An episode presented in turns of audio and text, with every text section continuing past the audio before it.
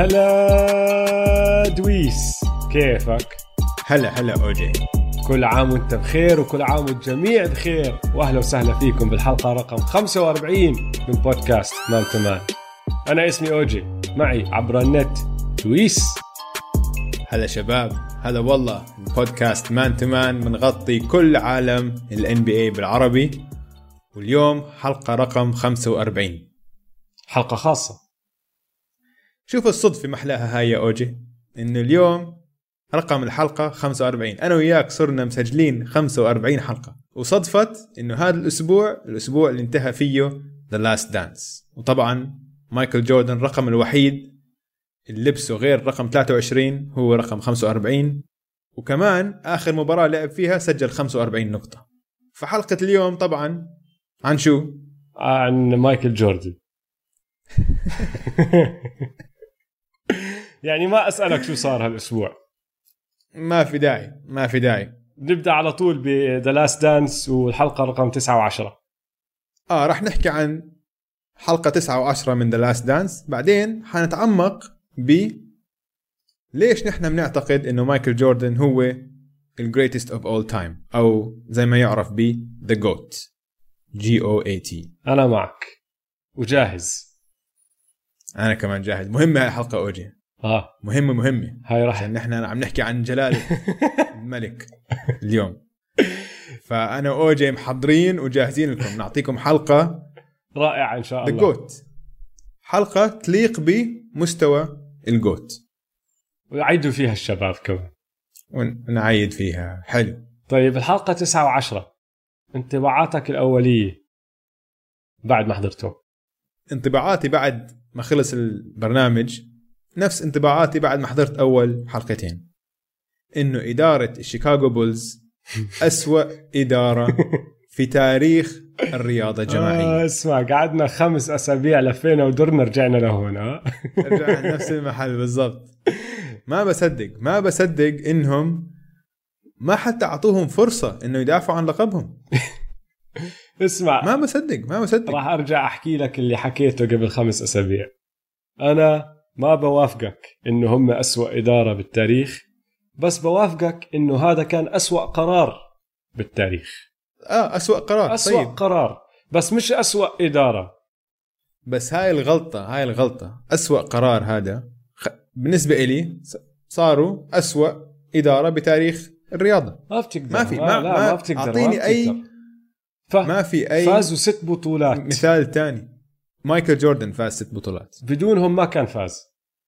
وكل حدا بيعرف okay هالحكي. أكيد بدونهم ما أكيد كان يعني فاز بدونهم بس لأنه جيري كراوس عمل كتير حركات قوية تساعد مايكل يفوز هلا بدون مايكل هم طبعا ما كان فازوا البطولات أنا معك بس مم. كمان تقدرش تحكي إنه هم ما كان لهم دور لا جيري كراوس أكيد عمل شغله دور. بطريقه كتير مرتبة لوصل هالمرحلة اللي هي آخر سنة سنتين واللي صار بعد مية مية. ولا وغير عن جيري كراوس أنا بحط الحق على راينسدورف المالك قد ما بحط الحق على جيري هاي كراوس أنا معك 100% عشان فيها. بالأخير هو صاحب القرار. أنا هاي معك. بالعكس أنا بحكي لك إنه المفروض ينحط الحق على راينسدورف أكثر من جيري كراوس أنت زي ما أنت حكيت هم صاحب. القرار أنت يا جيري راينسدورف صاحب القرار أنت شايف إنه عندك هالفريق وشايف اللي عم بيصير مع جيري كراوس تمسك جيري بتحكي له اسمع بترجع لي الفريق وبتنافس كمان مرة.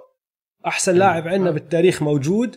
ما راح نطلعه من هالمباراة من هالرياضة عشان أنت مش عاجبك إنه بتخوت عليك دائما أو عندك مشكلة مع المدرب. بتحط كل هذا الإيجو على جنب بترجع لي إياهم. وإذا ما فازوها بال 99 مش مشكلة وقتها اعمل اللي عليك بس حقهم ينافسوا آخر مرة. هاي أنا معك القرار بإيد راينسدورف بالآخر لأنه جيري كراوس بيشتغل عنده. يعني خسارة إنه ما دافعوا عن اللقب. ما اجتهم الفرصة يدافعوا عن اللقب وهو اسمع لما شيء غريب يعني. لما تطلع عليه بآخر الحلقة العاشرة ندمان مبين عليه ندمان من طريقة حكيه. ندمان. و حكى لك حكى لك it's maddening إنه شيء بجن إنه من جن أنا من الموضوع. لهلأ مش فاهم ليش هيك. لا ما عم بحكي عن جوردن أنا عم بحكي رايتس راينسدورف ندمان. جوردن طبعا معصب. جوردن لليوم. آه. مش فاهم. راينسدورف حاول يحكي لك شو أسباب؟ قال لك بصراحه قعدنا أنا وجيري كراوس وقعدنا نطلع على آه، قيمة اللاعبين اللي عندنا. إحنا كنا خايفين إنه راح ينزلوا. آه، راح ينزل أدائهم ومستواهم راح ينزل وقيمتهم راح تنزل. وراح نصفي نحن دافعين لهم مصاري كتير على عقود جديدة ومعلقين فيها.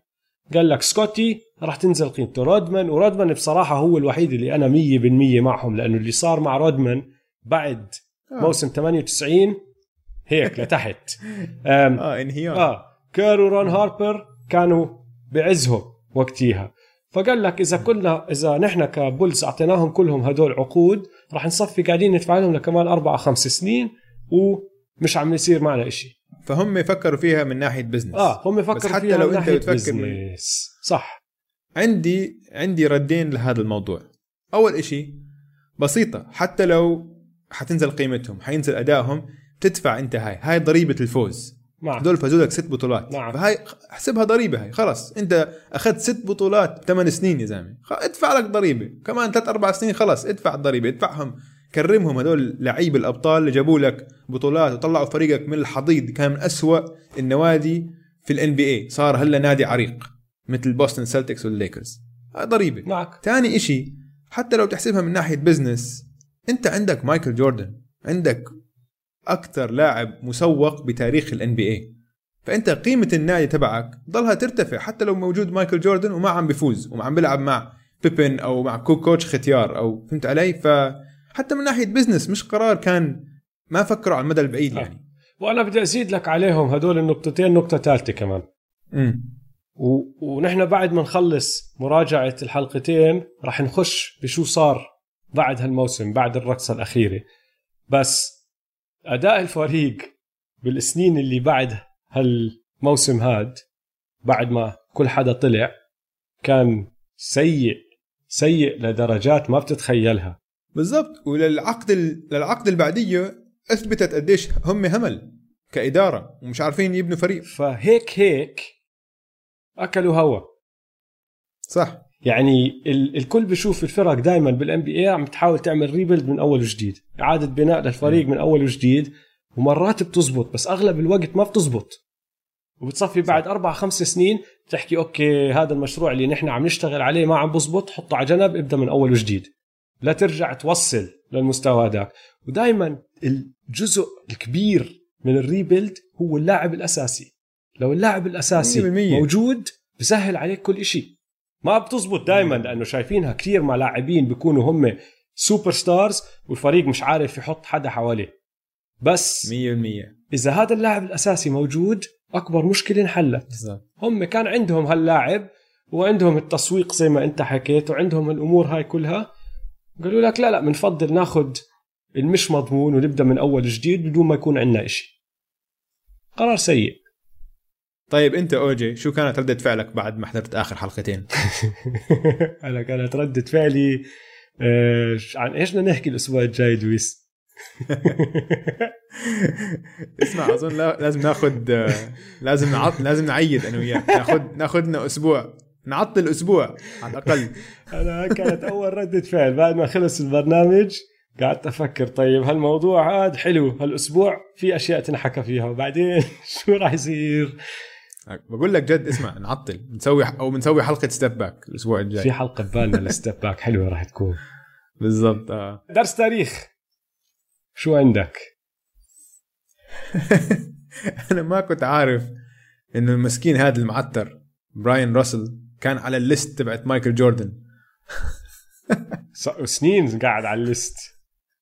من ال 94 من ال 94 حكى له كلمة وتذكره.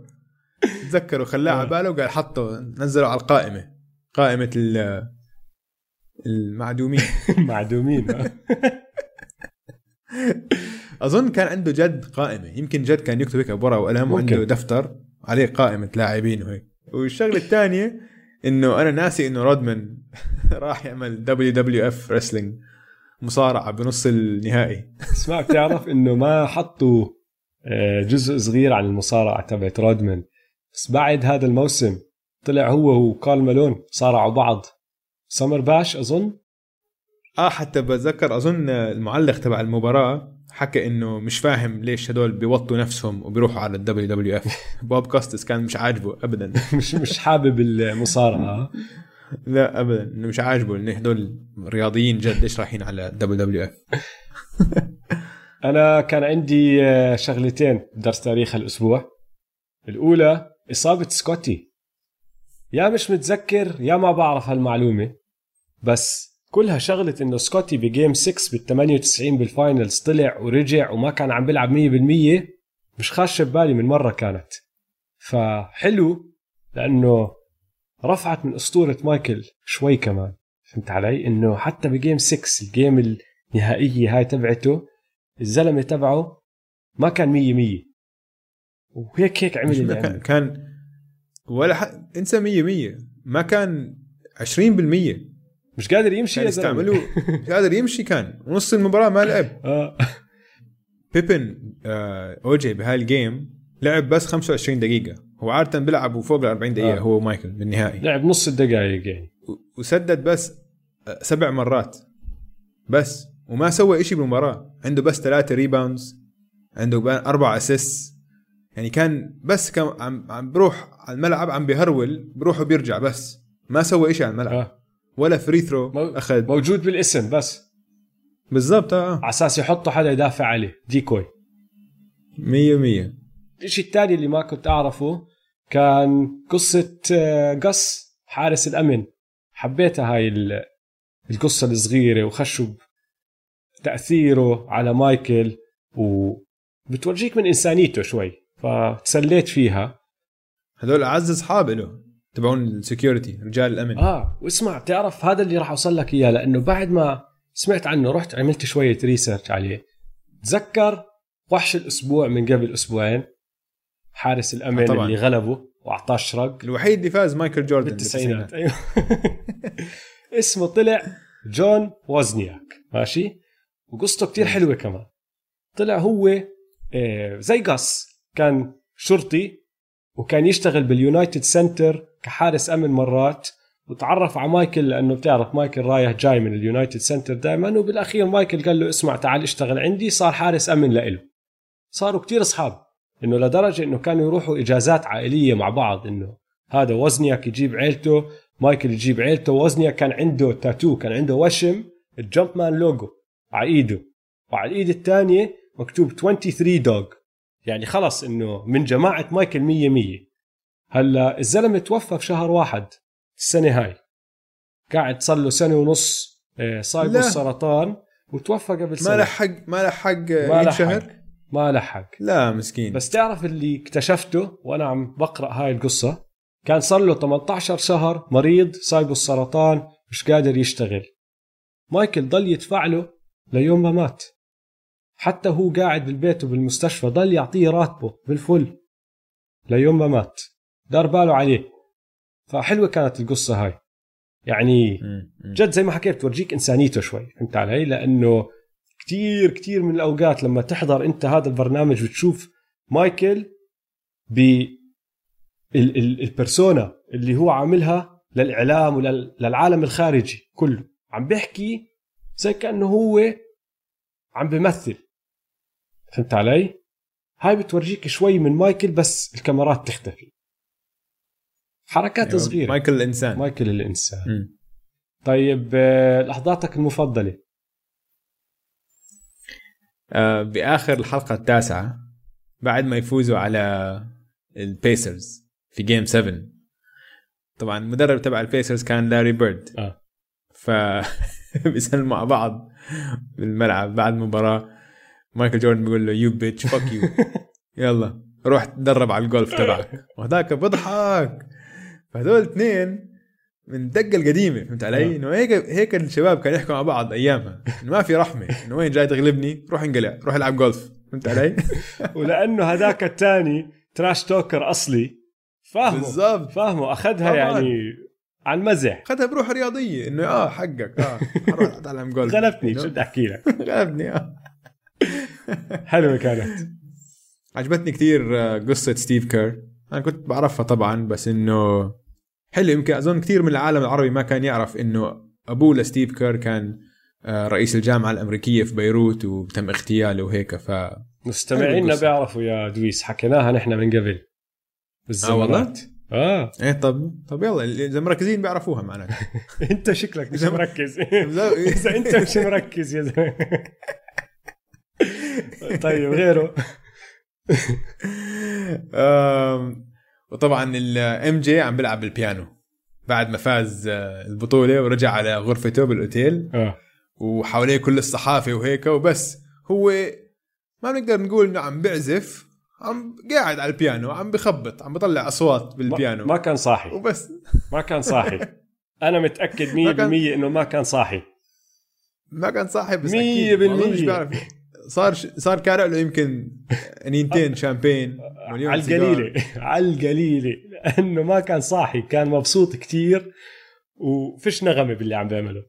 بس نغمة. زي ما انت حكيت بخبط آه. لا بخبط بس آه. بيعرفش يعزف بس كل حد قاعد و اسمع حفلة. كل الإعلام. آه حفلة بس حفلة مع مين؟ كان بسمع الإعلام هو. آه. فهمت علي؟ وهيك وعت... هذا المشهد كله كان كتير حلو. آه. هيك حسيت إنه أنت جد دخلت على حفلة سرية. انه أبوي هيك كان مايكل جوردن. وطريقة قديش كان مبسوط لما اعترف إنه الصراحة لما بيبن انصاب قلت كان هوا. إنه مصيبة. لازم أسوي أنا كل شيء لحالي. وهيك. سوى هذا اللي سواه. سوى آه. أنت شو لحظاتك المفضلة؟ آه، أول إشي آخر دقيقة بمسيرة MJ ك Chicago Bull اللي هي آخر دقيقة بالمباراة السادسة.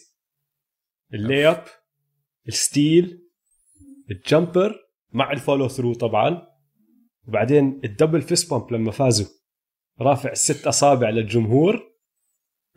رائعة هاي الدقيقة رائعة. خيالية خيالية. ما في أحلى من هيك بكرة السله يا زلمة حتى هو عم بشرح للكاميرا ليش عمل اللي عمله على steal كارل مالون. مخه العبقري انت شايفه عم بيشتغل. قال لك هذا آه. ال play عملوه من قبل نفس ال play. وإجا وقف من هون أنا مفروض أروح لهناك. كارل متوقعني رحت ما لاحظ إني أنا موجود ونسي. اخذتها منه وطلعت. آه جيت من ال weak side و... أو ما actually هو ضله بدل ما يلحق ال- بدل ما يلحق ال man تبعه. بالضبط ضله. ضل على ال weak side و strip. Man هاي النهاية كلها. انه تخيل آخر 40 ثانية من المباراة ما حد لمس الطابة. بس كانوا خسرين بثلاثة ما حد من ال Bulls لمس الطابة. هو. عندي ليه؟ سؤال لك steal shot آه قول. سؤال كتير مهم يا دويس. مم. دفش راسل ولا لا؟ لا. كنت ما دفشه. هيك كنت عارف اسمع ما دفشه. كان حاط إيده على خصره بس أعطاه crossover أعطاه step back crossover هذاك كان دفشة طاير. خفيفة.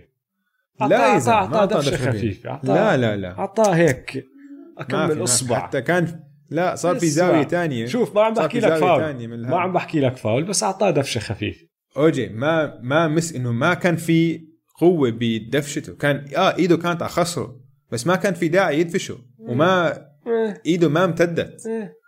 أصلا تقدرش تدفش وأنت بهاي يعني بالعكس أنت عم بتأثر على حركتك أنت. أنت اسمع. عم تسوي step back وبدك عم تحاول ترجع لورا أنت. أنت أنت فكر فيها هيك. لولا إيد جوردن راسل ما كان قلب على الأرض كمل. لا كان قلب. لا لا لا. كان قالب. كان أعطاه رايح إياها، مان أعطاه إياها يلا. بعرف أعطاه. اسمع. برجع بعيد لك. مش فاول.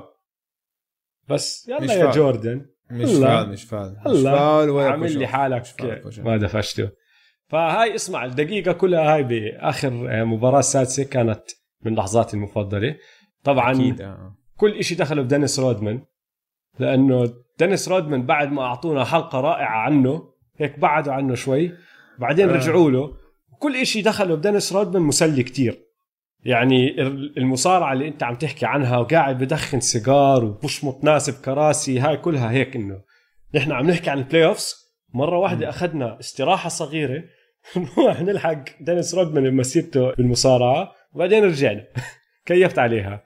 المصارعة اللي صارت مع مالون على الملعب. شفتها هاي لما قعدوا التنين يصارعوا بعض على الملعب؟ بالضبط بالضبط. رهيبة يا زلمة. والتنين يعني بالآخر خلص إنه فاهمين لبعض إنه okay مشي. كمان روح بالضبط. واحد آه خبط تاني هيك كف عطيزه ولا آه. يضحك ويعمل حاله هيك. لا لا متخوتوا بس في لا أنا عجبني كثير بدينيس إنه لعب كثير منيح بآخر مباراة. آه. ركز كثير وعمل كان كم من offensive rebound كثير كثير مهمة.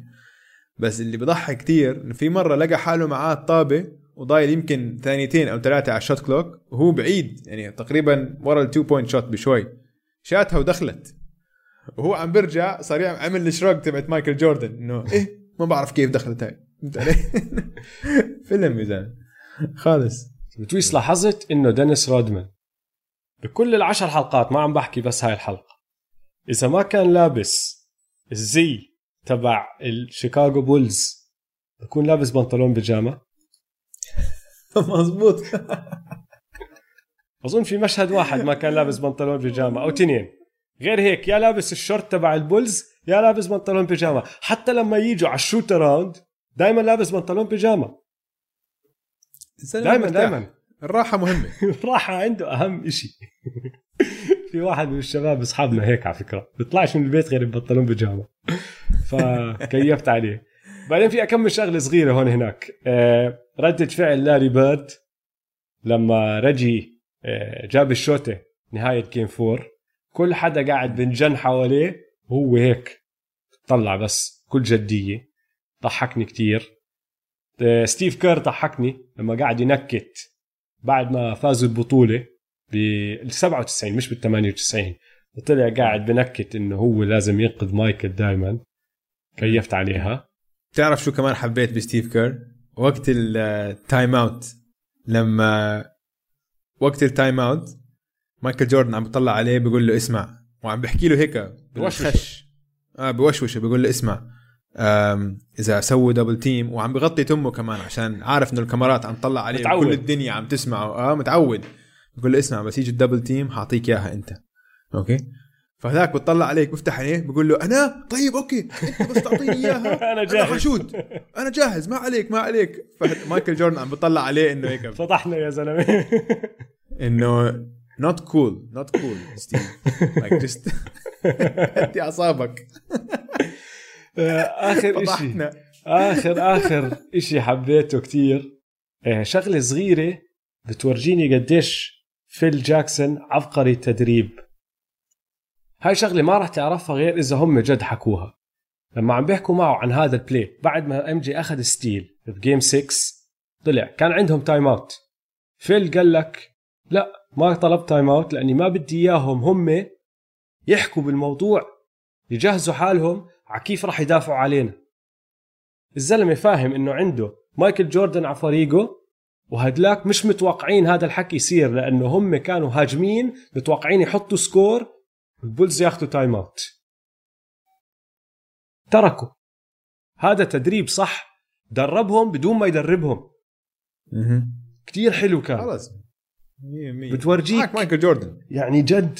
بالضبط. بس أغلب مدربين العالم مين ما يكون معك راح ياخذوا time out. وقال لك لا. أنا إذا أخذت time out عم بساعدهم ما بدي أساعدهم. عبقري. أنا عجبني كتير اللي سواه بعد ال- بطولة 98 الطريقة اللي انهى فيها ال- الفريق. لما عزمهم كلياتهم وقال كل واحد يكتب على ورقة وقلم آه إشي بيعبر فيه عن تجربته مع هذا الفريق وحطها هيك بكاسة وحرقها كلها وإنه خلص انتهينا. ال Zen master. Zen master man. أعظم coach بتاريخ ال NBA طيب إيش في أشياء تتمنى ركزوا عليها أكثر؟ لو شوي بس ركزوا أكثر على ال basketball. طبعا عم نحكي خصوصا عن مايكل جوردن. الطريقة اللي مايكل جوردن صار يلعب فيها بموسم 98 كانت كثير غير. خلص بلش يكبر وهيك. لازم ما ننسى مايكل جوردن بال 98 وقت النهائي كان عمره 35 سنة. نفس عمر لبران حاليا بموسم 2020 أنت علي فإنه متقدم كثير بعمره. فمايكل جوردن بأول ثلاث بطولات كان مايكل جوردن هو اللاعب المتألق. كان لياقته البدنية أحسن لياقة بكل الان بي كان يقدر يحلق فوق المدافعين. بس ب 98 بلش يبطئ شوي وصار صار يلعب كتير بعقله أكتر. مم. يعتمد على ذكائه وعلى فهمه للعبة. آه. حكى عنها شوي مايكل وحكى إنه هاي بطولة 98 المفضلة له عشان هيك عشان تعلم كيف يفوز بعقله أكثر من قدراته البدنية. فلو ركزوا عليها شوي أكثر وورجونا الفرق بين مايكل جوردن ب 98 ومايكل جوردن بال 91 92 93 هاي لو هاي كان بتكون حلوة الشغله آه حلوة. صح مم. صار تمركز لعبه صار حركات صغيرة هون هناك. صار يتحكم صار- بالمباراة بطريقة كتير غير. وصار يركز على الأساسيات أكثر ال footwork ال fakes ال triple threat كل ما يمسكها هيك صار يلعب أشياء post صغيرة. أكثر yeah دول أشياء صغيرة كتير. اللي هي أساسيات ال basket بس أتقنها بطريقة إن ما حد أتق... ما حد قرب عليها غير كوبي براينت. هدول الاساسيات ال foot. ال... التكنيك ال... ال spacing إم... وين يشوت ال mid range game تبعته كانت wow wow. كانت 100 100 آه فن فن. أنت في عندك إشي بدك إياهم كانوا يركزوا عليه أكثر شوي؟ آه، مسيرته مع ال Wizards يا دويس. لا. ما صارت هاي. ما صارت. ما بنعترف فيها. اسمع اسمع لا، بال edit استنى استنى. لحظة لحظة لحظة. بال edit حنشيل هاي المقطع. ما في داعي نحكي عن ال Wizards ابدا. ال Wizards ما صارت. okay؟ اسمع أنا ما صارت. أنا عم بمزح. من ال edit. أنا عم بمزح ها للعلم. حتى لو أنا عم فيش فيها مزح الأمور بس- أوجي. ما فيها مزح. شيلها من. ال edit. خلص. هم جد جد أخذوه هذا الإشي اللي أنت عم تحكيه. ومشوا فيه مية مية. ولا اعترفوا فيها زي كأنه ما رجع. إذا في إنسان أي إنسان بالعالم ماشي بفهمش ولا إشي بالسلة. وأخذته حضرته من واحد لعشرة ثلاث دانس نقول لك أوف شو هاللاعب؟ حضرته من أول ما بدأ لخلص مسيرته. شو هالنهاية الخيالية. بس بعدين رحت قلت له هذا رجع كمان ثلاث سنين ولا اللي هو بعدها ولعب مع فريق تاني وكان عمره 40 سنة بنصعق. لأنه جد ولا جابوا سيرتها من مرة ما حكوا فيها ولا جابوا سيرة اسم الفريق. عشان ما صار. أنت غلطان. هذا الحكي ما صار. الإشي الثاني اللي يا ريت ركزوا عليه بصراحة آه، عيلته. طلعوا لنا أولاده وبنته. شو أربع ثواني عشر ثواني. صلنا عشر حلقات ما سمعنا منهم ولا همسة. طلع عاملين معهم مقابلات. أنا كنت متوقع خلاص ما عملوا معهم مقابلات من مرة ولا إشي. صفوا مقعدينهم عاملين معهم مقابلات طلعوهم أقل من دقيقة. طب احكوا لنا شوي بدي أعرف أنا عن جوردن ال- الأب. بدي أعرف عن علاقته معهم. يا أخي تحكوش عنه. أنتوا يا أولاد جوردن كيف كانت حياتكم؟ أنتوا أولاد أحسن لاعب سلة بالتاريخ. بدي أعرف شوي عنكم. أنا ما بدي. ولا جابوا سيرتهم. أنا ما بدي. بتعرف ليش؟ أنا متأكد انه هو ما كان أب يعني مثالي. ما كان طيب. الزوج المثالي طيب. عشان هو اتطلق من مرته اللي كانت كمان وقت آه. أيام ال Bulls. شو؟ المشكلة؟ فأنا بصراحة ما بدي أعرف. ليش؟ عشان أنا بدي أعرف عشان أنا الشخصية المثيرة للاهتمام إلي مايكل جوردن السفاح اللي على الملعب. أعظم لاعب عمره لعب كرة سله بس على- برا الملعب eh. بس هاي النقطة اللي عم بحاول أوصلها. أنت ما عندك شوية فضول تعرف هذا اللاعب الجنوني هاي التنافسية المجنونة زي ما حكينا المختل العقلي هاد أقرب ناس عليه كيف بشوفوه؟ ما أظن حتخرب شوي من ال- ليش؟ بالعكس. الصو- الصورة المتكاملة تاعته. لا بالعكس. بتخليه إنسان أكتر. بتصير تحكي هذا الزلمة اللي هو مايكل جوردن ما بيقدر يكون أب صح ما بيقدر إذا نحن هلا ما بنعرف بلكن علاقتهم ممتازة. أنا ما بعرف ماشي؟ بس أنا عم بحكي إذا أنت خايف من هذا الإشي أنا بالعكس بطلع عليها كضحى بهذا الإشي عشان يصير الجوت. ما بتقدر أنت تصير الجوت إذا ما ضحيت فيه هذا الإشي الثاني اللي هو علاقتك مع عيلتك. ما بعرف. مم. ممكن بقدر. إذا ما طلعوهم من مرة بولا حلقة ما كان فكرت بالموضوع من مرة. ما كانوا خاطرين على بالي. بس هالدقيقة هاي ال 30 ثانية اللي شفتهم فيها آه. استغربت استنى. شوي. آه إنه ليش هلا طلعت لي إياهم؟ واللي حكوه مش هالشيء المهم آه حكوا آه والله بنكره يوتا. مش طيب. هالشيء قال. أمنا أمنا ما كانت تسمح لنا نروح على يوتا لأنه جمهور يوتا كان آه، عصبي كتير. طيب شو. اللي زدته أنت؟ شو فتني بهالمعلومة؟ ما فتني بشيء احكي لي أشياء تانية تفيدني. هذا آه، الإشي كان الوحيد يعني. إذا بدي أزيد عليه بزيد عليه هالجزء الصغير. أو خلص شيله. اعمل اديت شيل هالجزء وخلصني.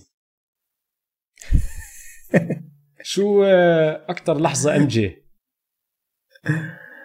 اسمع لاحظت لما أعطاه ال MVP الخامس تبعه آه. في موسم 98 ديفيد ستيرن حكى لمايكل جوردن thank you أعطاه أعطاه ال MVP وشكره. مفروض بالعكس. لكن هاي الصراحة وقعدني ضحك. إنه كيف يعني؟ بعدين لما هو رايح داخل على أول مباراة من نهاية 98 لما قاعد عم آه، بسمع music بال headphones. ومرتاح على الآخر. ولا كانه في مباراة نهائي كل حدا هيك متوتر هو جاي زلمة. مريح. yeah مريح وعارف حاله حيفوز. عارف إنه أموره طيبة طيبة طيبة. وهيك مرتاح كتير. بعدين اللي حكاه واحد من الإعلاميين عن مايكل جوردن إنه زي كأنه رجل إنه رجل هيك روحي كتير. إنه عشانه دائما مايكل جوردن اللي بيميزه عن كل لاعبين التانيين. أكتر إشي. انه هو دائما متواجد في في الحاضر في اللحظة هذه. ما بيفكر بالماضي ما بتحسر على الماضي واللي واللي فات وما بقلق على اللي بالمستقبل. عايش باللحظة دائما. فمثلا لما يسألوه إنه أنت مش متوتر من المباراة أو مش مش متوتر إنه ممكن ما تلعب منيح أو ممكن تفكح مثلا آه آخر شوطه أو إشي هيك بقول لك بس أنا ليش أفكر ب شوطه لسه ما شتها. فهمت علي؟ فهلا هاي شغلة بسيطة. طيب بس إن إحنا كمعظمنا عايشين دائما بأفكارنا بالمستقبل أو بالماضي. شو راح يصير أو شو. صار؟ بالضبط. وبنقلق على آه إذا فكحتها شو حيصير فكتير ناس هيك وهذا من هون بيجي الخوف. فهمت علي؟ أو بتطلع على الماضي بيجي الندم. هو ما بيطلع لا للمستقبل ولا للماضي. عايش باللحظة دائما دائما عايش باللحظة. عشان هيك عنده هاي الثقة بالنفس. ولما توصل إن الثواني الأخيرة بالمباراة دائما هو مرتاح وكل مرة تشو كلتش آه. أنت أوجي شو أكثر لحظة كانت MJ بالنسبة لك في الحلقتين؟ ال flu game كلها من أولها لآخرها كل قصتها. امم آه. يعني حق. اللي ما سمع حلقة Step Back الأولى عن ال flu game يروح يسمعها لأنه جد أكثر إشي MJ ممكن يصير خصوصا بعد ما شفنا كيف بتعامل كان مع ناس زي سكوتي لما كان يمرض أو أي حدا بصراحة ما بيرفع أداؤه للاداء اللازم بالمباريات. اجى دوره ومش بس رفع أداؤه للازم طلع عنه كم. يعني إذا في مباراة واحدة بكل مسيرة MJ نحكي هي هاي مباراة MJ هي ال flu game the most MJ game. There is هاي بتورجيه إنه هو مش إنسان عادي هو إنسان خارق آه. عنده قوة خارقة. وعشان هيك نحن قررنا نسويها أول حلقة من Step Back برنامجنا الثاني Step Back تعمقنا بهاي المباراة وبس سوينا حلقة كاملة عن ال flu game لأنها رائعة. بالضبط. عندي كمان ملاحظتين عن هدول الحلقتين قبل ما نخلص ونمشي عنهم. واحدة بتعرف كيف صار لنا أسبوعين كل ما مايكل يحكي إنه في إشي دفعه أعطاه حافز إنه ينجز. بكتب أنا ملاحظة. فعندي ثلاث أشياء من هاي الحلقة. ماشي؟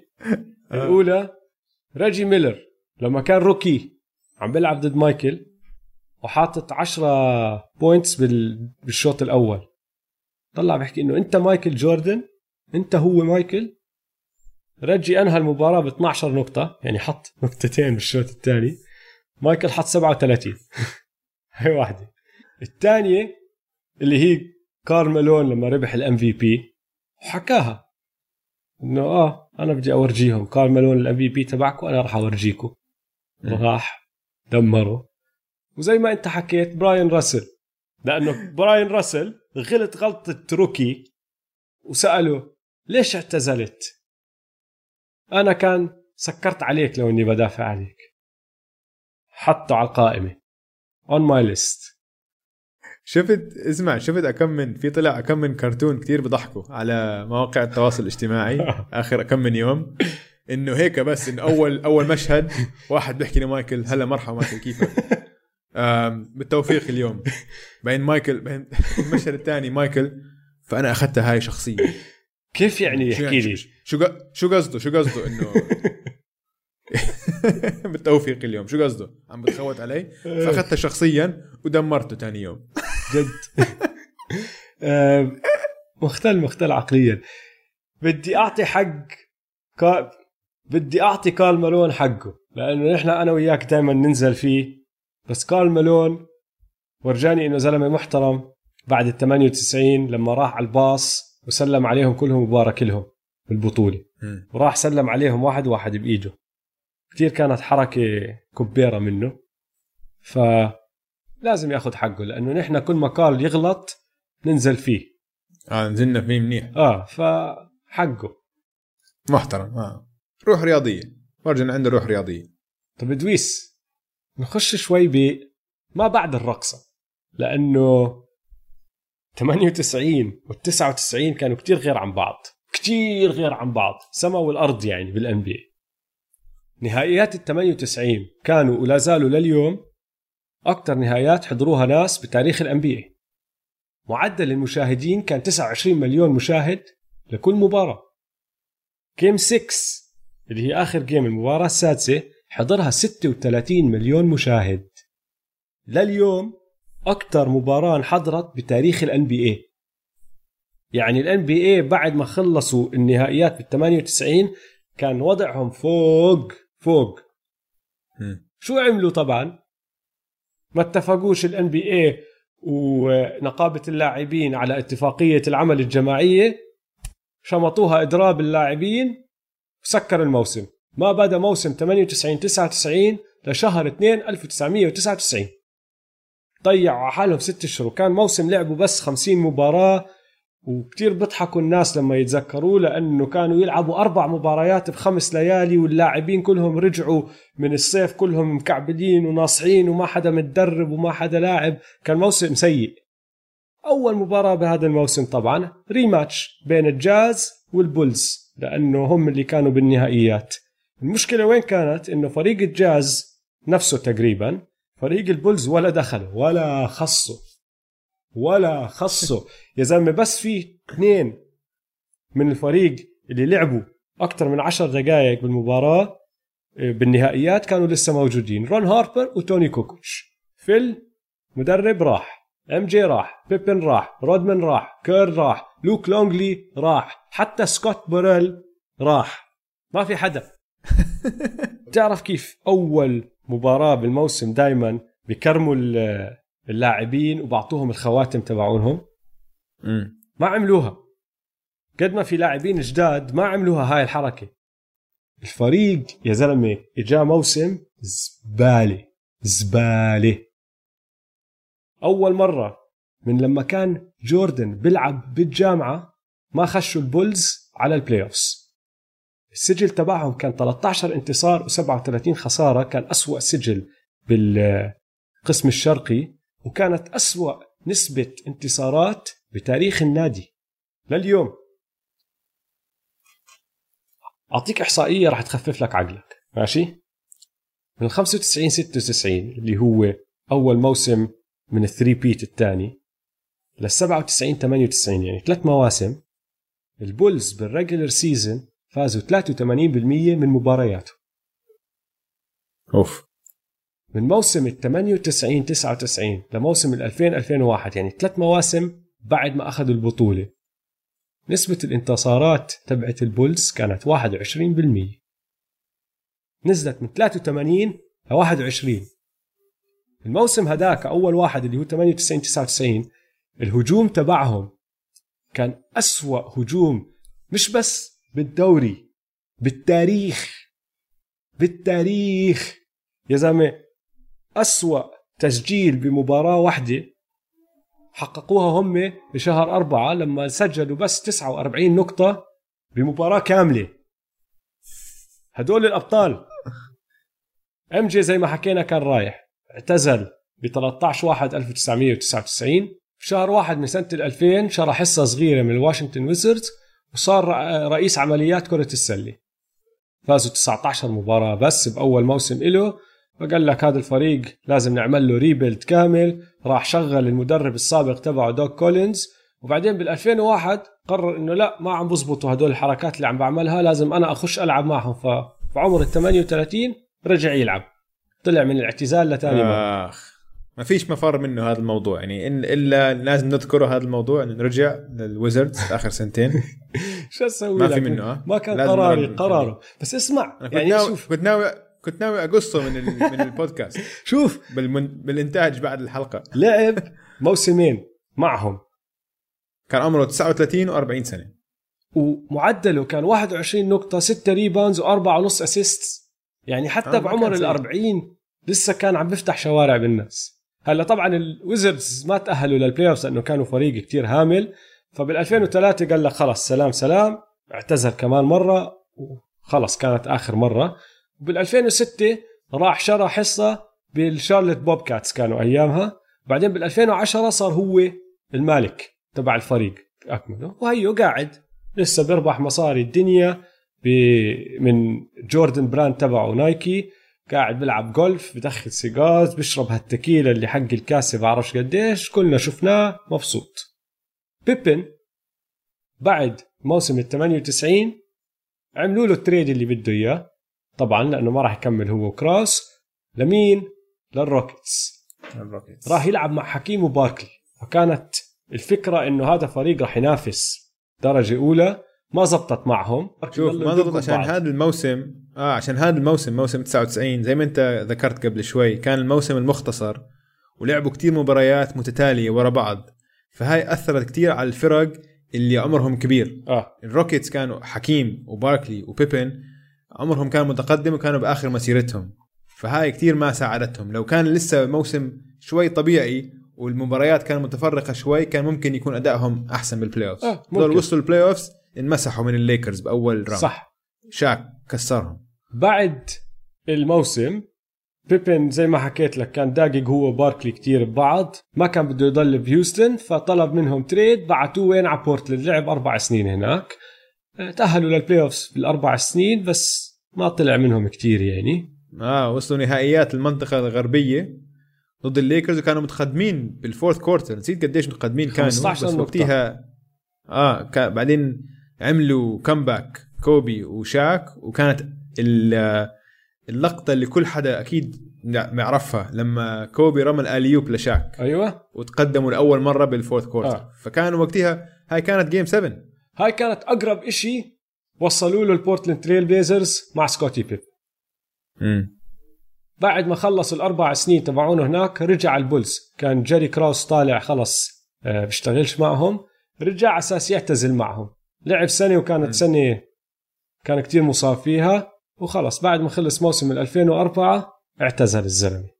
رودمان رودمان ترك ال Bulls راح عند الليكرز. لعب معهم 23 مباراة. يعني نص الموسم لأنه كان موسم فيه 50 مباراة. بعدها بموسم ترك الليكرز وراح لعب مع ال Mavs. ما لعب غير 12 مباراة. بعدين كان خلص منتهي. آه فهاي هي. رودمان بعد ال 98 وضعه ما كان سهل. اعتزل بعد هذا الموسم. أخذ لك أكمل سنة يحاول يمثل فيهم وصارع شوي وبعرفش إيش. بعدين رجع يلعب. طبعا ما لعب بال NBA لعب بالايامها كانت D League مش حتى الجي ليج. بعدين راح لعب بالمكسيك لأكثر من فريق راح لعب بفنلندا وراح لعب بإنجلترا. وبعد ما. خلص شاف حاله إنه جد جد مش زابطة معي. رجع اعتزل كمان مرة وضرب صحبة مع مين يا دويس؟ كيم جونج أون. ضرب صحبة مع كيم جونج أون. وراح على كوريا عادي. الشمالية. أنا مش آه شيء كتير طبيعي. شيء كتير طبيعي. شيء بعد ما واحد يخلص من كرة السلة بيروح بصير best friends اعز اصحاب مع كيم جونج أون. اسمع إذا في لاعب بكل ال NBA راح يعمل هيك حركة هو دينيس رودمان شيء كتير طبيعي كتير عادي ما مش مش قصة غريبة ابدا ابدا تعرف أنت شو القصة بالضبط؟ لا بعرف ما عندي أي فكرة كيم جونج أون كان مشجع لل Bulls بحب السلة وبحب ال Chicago Bulls. فطلب من جماعته يجيبوا له مايكل جوردن على كوريا الشمالية بده يقعد هو ومايكل رنوا. على مايكل وصلوا له بطريقة أو أخرى مايكل سمع إنه كيم جونج أون بده يروح على كوريا الشمالية قال له انساني! شو بدي فيك بكوريا الشمالية يا زلمة؟ اطلع من راسي. قال لهم لا. فرجعوا لعنده لكيم جونج أون قالوا له ما في. جوردن بدوش يجي قال لهم لاقوا لي حدا من هدول ال Chicago Bulls اللي فازوا البطولة. مين طيب؟ مين هو اللاعب بكل هالفريق اللي ممكن يروح؟ دينيس. رنوا على دينيس. تليفون. دينيس ما صدق. ساحب حاله على الطياره وعلى كوريا الشماليه راح لعب معه سله وضرب صحبه هو وياه. انسى انسى. في لاعب تاني بس بدي أجيب سيرته لأنه بعد ما طلع من ال Bulls بال 98 راح عمل إنجاز حتى جوردن ما عمله. ستيف كير ربح بطولة السنة اللي بعدها. عنده أربع بطولات ورا بعض. مش 3 peat ستيف كير شمطها 4 peat عمي وبعديها بتعرف صار مدرب. هو أول إشي صار يعلق ويشتغل بالإعلام وبعدين صار مدرب وربح له كمان ثلاث خواتم. أظن قاعد. مدرب ناجح شوي. آه. أظن. كويس. كويس يعني. شوي مش بطال. آه. بس ثلاث بطولات بخمس سنين مش بطال. مش عاطل من مرة. مش عاطل ابدا. لا ستيف كير أموره طيبة. طيب أوجي.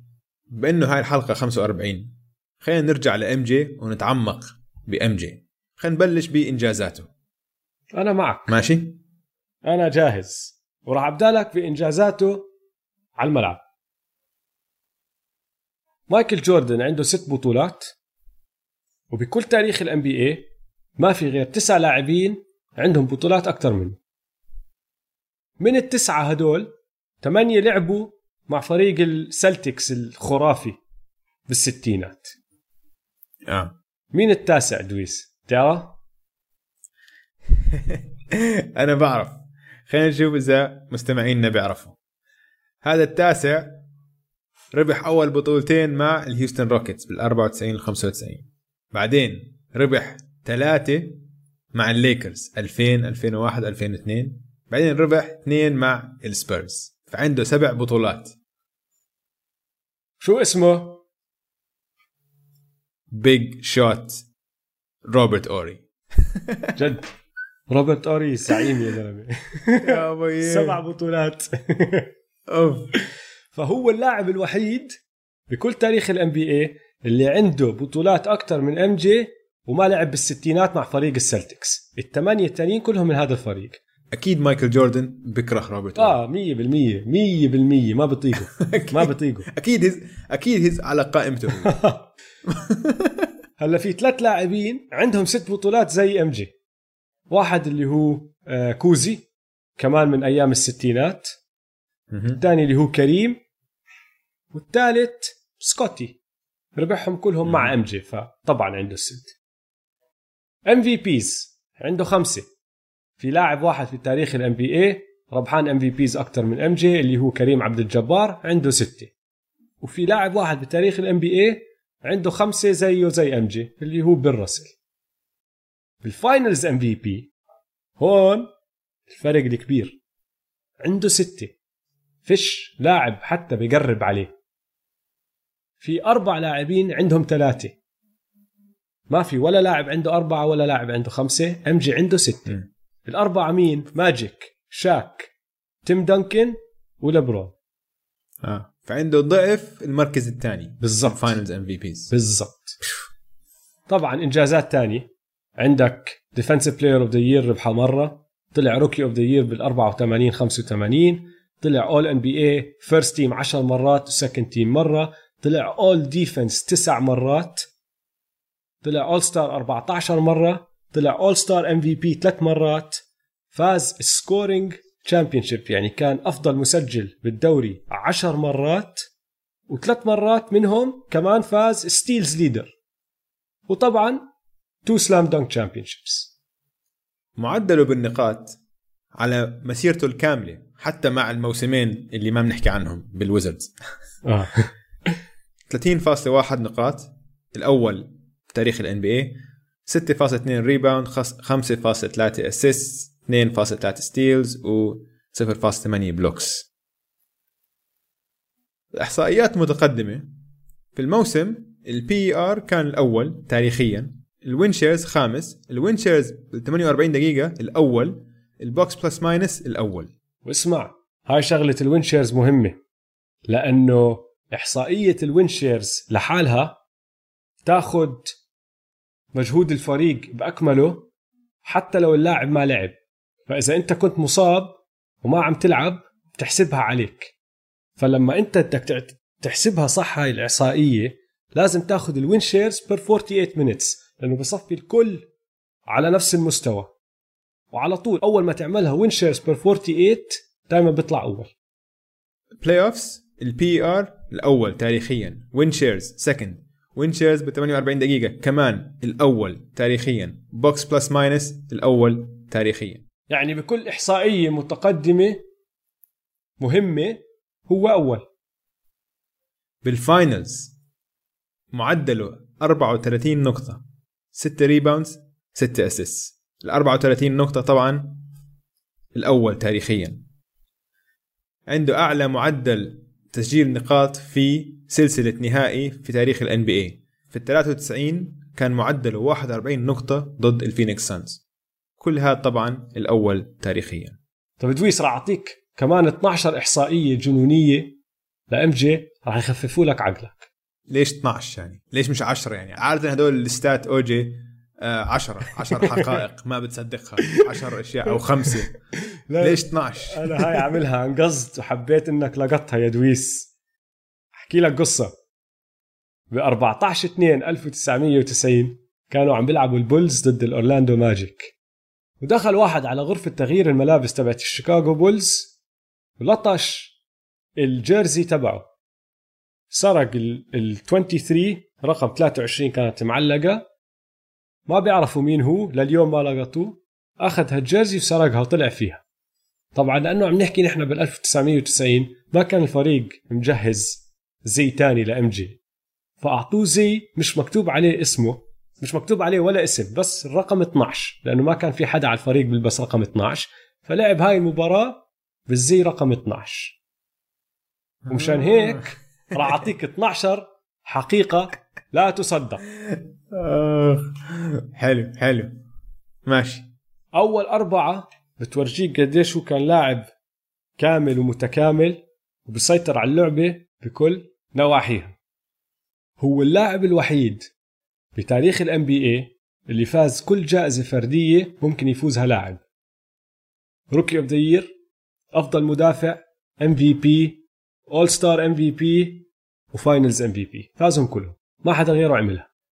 غير هيك هو اللاعب الوحيد بتاريخ ال NBA اللي فاز جائزة أفضل مدافع ومعدل تسجيله كان فوق ال 30 نقطة بنفس الموسم.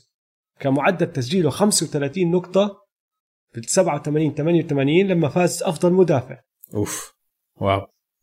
هلا غير هيك بتاريخ ال NBA ثلاث مواسم تسجلت بالتاريخ اللاعب فيها سجل أكثر من 100 block 200 steal 300 assist و300 rebound.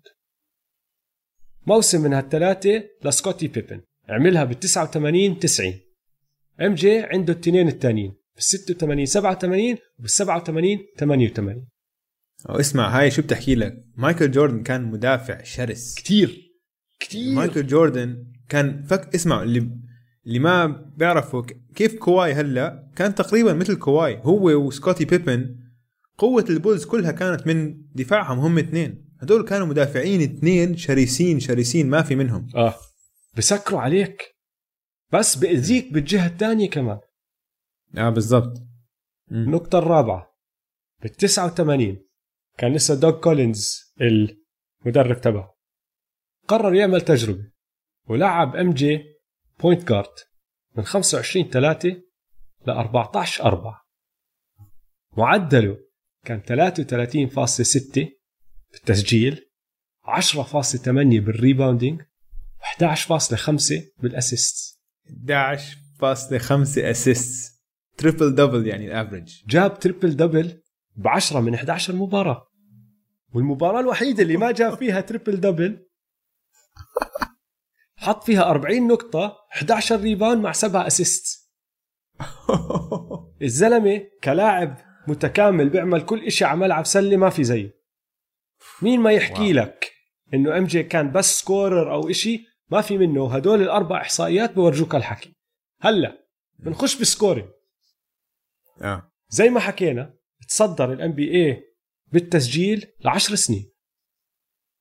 السنين الوحيدة اللي ما تصدر بالتسجيل. كانوا أول سنة لما كان rookie وكان معدله زي ما حكينا 28 آه.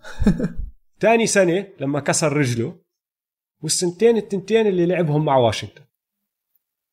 لما الواحد يحكي بال scoring بالعادة أول اسم بخطر على باله ويل تشامبرلين. ويلت مم. عنده كل هالأرقام الخيالية بال scoring. بس تصدر ال NBA بهذا الإشي سبع مرات. بعد ويلت أقرب ناس على MJ آيفرسون دورانت وجورج جيرفن عملوها أربع مرات. MJ عملها عشرة. كوبي مثلا سواها مرتين. مرتين كان scoring champion فقط صدت يا زلمة. تخيل. عشرة. وهذا أكثر واحد بيقارنوه بمايكل جوردن. إنه شبهه وهيك يا زلمة كيفن دورانت أنا وياك نحكي عنه أفضل pure scorer شفناه.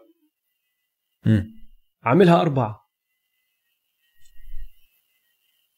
من ال 94 95 لل 97 98 يعني مسيرته مع البولز. MJ سجل 50 نقطة بالمباراة 30 مرة. بهدول السنين نفسهم أقرب واحد عليه بعدد المباريات اللي سجل فيها 50 نقطة أو فوق كان دومينيك ويلكنز. سبع مرات. و MJ. لا تنسى راح عليه موسم ونص لأنه اعتزل و64 مباراة بالموسم الثاني تبعه لأنه كان مصاب. ما حدا قرب عليه.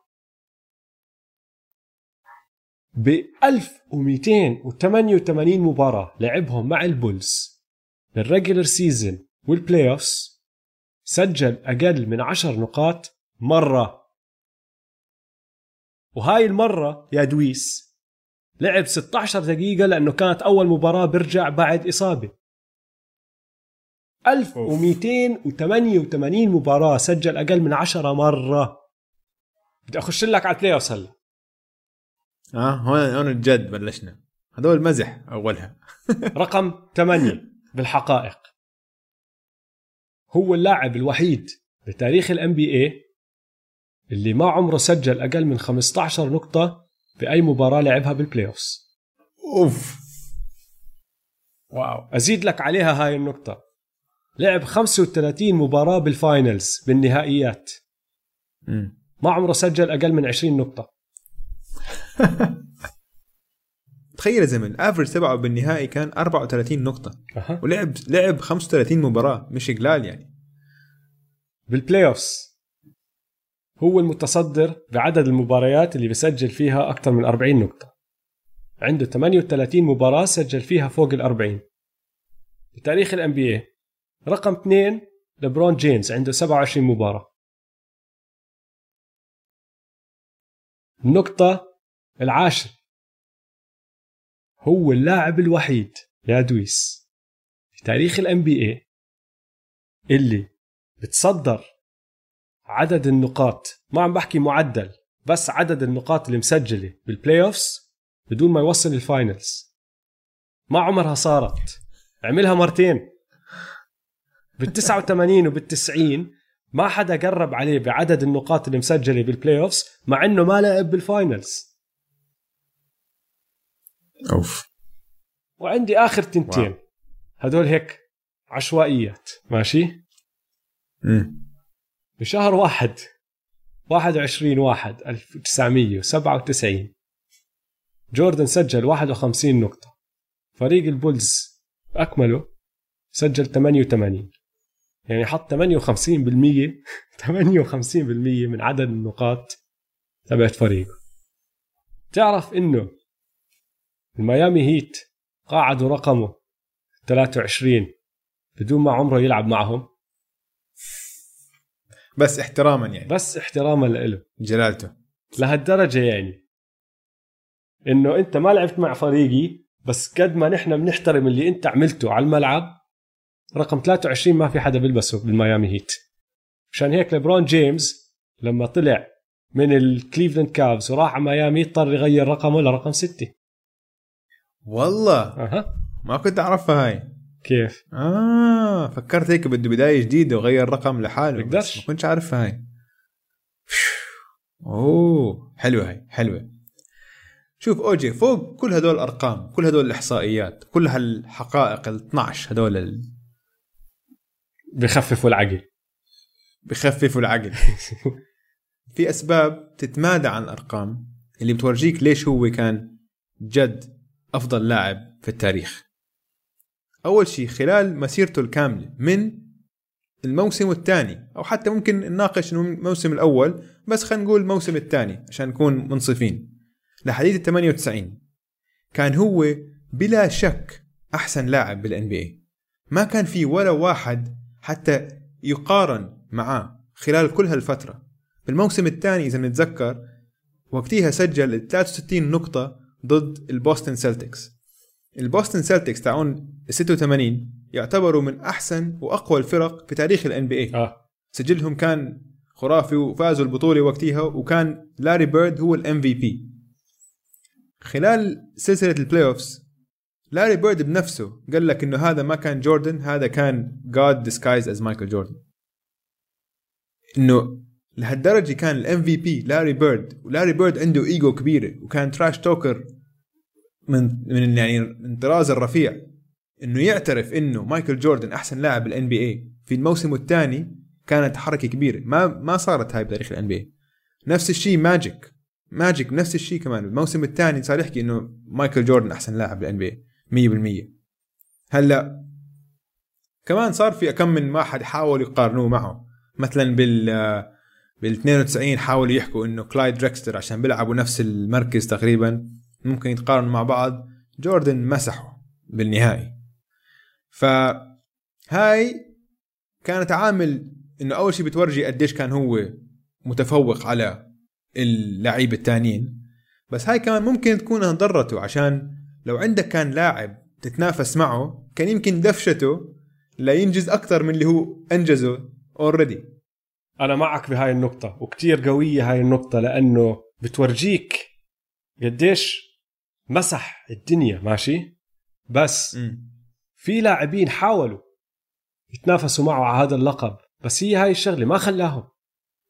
كل ما يطلع لاعب طبعا كل ما يطلع لاعب يقولوا لك ممكن هذا يكون أحسن لاعب بال NBA بمسحوا يعني بمسحوا يحطوا على ال list يحطوا على القائمة. بمسحوا بالضبط. وه... يحطوا على القائمة ويمسحوا وهي هي الشغلة؟ إنه ما في موسم واحد بين هدول المواسم اللي انت بتحكي فيهم احكي ثالث موسم عم نحكي ثاني موسم لا ال 98 ما في ولا موسم في هدول المواسم غير السنتين اللي طلع من ال NBA وراح يلعب بيسبول ورجع لسه ما كان على بعضه بس باقي السنين ما كان في ولا لاعب ولا لاعب ولا مدرب ولا إعلامي تسأله هذا السؤال بتقول له مين أحسن لاعب بالدوري؟ بيقول لك إشي غير مايكل. مستحيل تصير بالضبط. كانت. مية مية. وهاي الجملة ما بتنطبق على أي لاعب تاني. ولا واحد. إنه ح- حتى هلأ بالجيل الحالي جيل لبرون ممكن يعني هلأ في حكي مثلا والله في يانس في كواي في لعيب في كي- كيفن دورانت قبل كم من سنة فازوا. حتى وقت كوبي وقت كوبي كان يقول لك لا والله في في لبرون يعني كان دائما كان دائما في نقاش. هي هاي. حتى لو إنه عارفين إنه إحكي لبرون أحسن منهم كلهم بس في نقاش. آه. في سنين نقاش. تطلع هون هناك الناس بتحكي لا والله كيفن دورانت أظني أحسن لاعب. بيجيك واحد بقول لك هيك هيك هيك وتصير الناس تناقشوا أيام جوردن مستحيل كانت تصير. مستحيل. ما كان يجي ما كان يجي ولا واحد يجي يقول لك لا هذا اللاعب أحسن من جوردن. مستحيل. لعيب ال- اللي لعبوا ضد مايكل جوردن كانوا يخافوا منه عشان مايكل جوردن ولا مرة أظهر نقطة ضعف. ولا مرة. ولا مرة بكل مسيرته. أي حدا من منافسين اللي بيلعبوا ضده شاف نقطة ضعف. من وقت ما صار يفوز على البيستونز خلص ما خسر لحديد آخر مسيرته. أما مثلا كل لاعب تاني عشان إشي طبيعي بالرياضة إنك تخسر. كتير طبيعي إنه مرات حتفوز مرات حتخسر كوبي مثلا أكثر من مرة خسر بال playoffs ما لعب منيح آه، حتى في كم مرة طلعوا sweep من ال playoffs أه. بتصير يعني فهمت علي؟ حتى لبرون صار 2010 2011 لما خسروا ضد السلتكس وبعدين 2011 ضد المافريكس. وما لعب منيح هيك ارتبك وما يعني طبعا رجع وعاد وانتصر وهيك بس إنه في نقطة ضعف. فأنتوا عم تلعب برياضة فيها تنافسية وفيها كلها لعيبة بدها تاكل بعض كل ما يشوفوا نقطة ضعف بيستعملوها.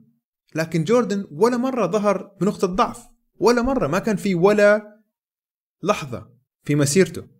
ممكن هلا تناقشني تقول لي إنه والله الأورلاندو ماجيك بال 95 إذا بنطلع على المباريات هذول بال 95 مايكل جوردن ما قصر. كان معدله 31 نقطة لعب كتير منيح وكان لسه عم بيلعب صار له شهرين. كان عم بيلعب مباراة رياضة تانية مش إنه ما عم بيلعب basket كان عم بيلعب رياضة تانية وقتها. مش بس عم بيلعب رياضة تانية كان مغير جسمه وطريقة بنى جسمه عشان الرياضة التانية. امم كان راجع مية مية. بجسم بيسبول العضلات اللي الواحد لازم يربيها ويستعملها بلعبة البيسبول كتير غير عن ال- العضلات اللي لازم يستعملها بالسلة. حركة البيسبول غير عن حركة السلة. فكان راجع لعب ثلث موسم وخش على ال playoffs بجسم مش جسم سلة وهيك هيك شنع يعني. بالضبط. وشفنا إيش صار فيه الموسم الجاي. آه اجى كسر الرقم القياسي لعدد الانتصارات في الموسم فاز 72 مباراة وفاز ال championship للثلاث سنين الجايين. فيعني انتقم وزيادة. ومسح ال Magic 4-0 الموسم اللي بعده فيعني ما بعتبرها كانت نقطة ضعف. وما أظن أي حدا من المنافسين تاعون شافها كنقطة ضعف. لا. بالعكس خف عقلهم لما شافوا اللي صار فيه قالوا لك يا حبيبي يا ساتر. كان بعد أحسن. يا ساتر شو راح يصير فينا السنة الجاي؟ آخر عامل بيميز مايكل جوردن عن كل حدا بيقارنوه فيه إنه في رياضة تنافس مايكل جوردن كان أكبر وأشرس متنافس بتاريخ كرة السلة وهاي إلها دخل كمان بالوقت اللي كان يلعب فيه مايكل جوردن ما كان صحبة مع اللعيبة فهمت علي؟ مايكل جوردن كان بده يدخل على الملعب وكان بده يذبحك كان بده ينهيك كان بده إياك تطلع عم تبكي. مجرم. كان فيه جد كان مفترس كان زي حيوان مفترس إنه ما بيكتفي بس إنه يفوز عليك. بده يحطمك نفسيا بده يحطمك جسديا بده ينتصر عليك بكل طريقة ممكنة. فهمت علي؟ وما كان بده يكون صحبة معك ابدا. مختل. أما عقلياً. لعيبة الجيل الحالي يعني أكثر أقرب واحد عليه كان كوبي براينت. كوبي براينت كان دائما عم بيحاول يكون زي مايكل جوردن. عم بيكون هيك يكون مفترس هيك. بس بعدين ظهرت حقيقته شوي إنه كوبي براينت إنسان محترم إنسان فيه حب قلبه حنون.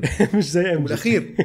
مش MJ، MJ مش شخصية هاي ما كان عم ببني هاي ال Mamba mentality اللي كوبي تبناها. هاي كانت آه، كانت زي شخصية تبناها عشان يدفش حاله على الملعب. هاي مش شخصية مايكل جوردن هاي غريزة مايكل جوردن. هيك هو بده يذبحك. ولهلأ عنده بتنافس على أشياء تانية خارج الملعب. فهمت علي؟ آه. أما تطلع على مثلا لعيبة الجيل الحالي كلياتهم صحبة مع بعض بيسهروا مع بعض بيطلعوا فيكيشنز مع بعض صحبة مع بعض. فيعني ما في هذا العامل اللي أنا بدي أدمرك. هاي العقلية مش موجودة بلعيبة الجيل الحالي. مزبوط 100% وأكبر دليل على هذا الإشي اللي أنت عم تحكيه لو تطلع بقائمة الفرق الأسطورية التاريخية اللي كان مفروض تربح بطولات بس لأنه لعبوا بزمن جوردن ما طلع منهم إشي حطمهم. عندك ال Pistons أنهى عليهم. كانوا فايزين بطولتين لما خلص تعدى عن هاي العقبة بطل في إشي اسمه ال Bad Boy Pistons. أنهاهم أنهاهم. Sweep. Sweep بالضبط. أنهى وقت ال Showtime Lakers نفس السنة.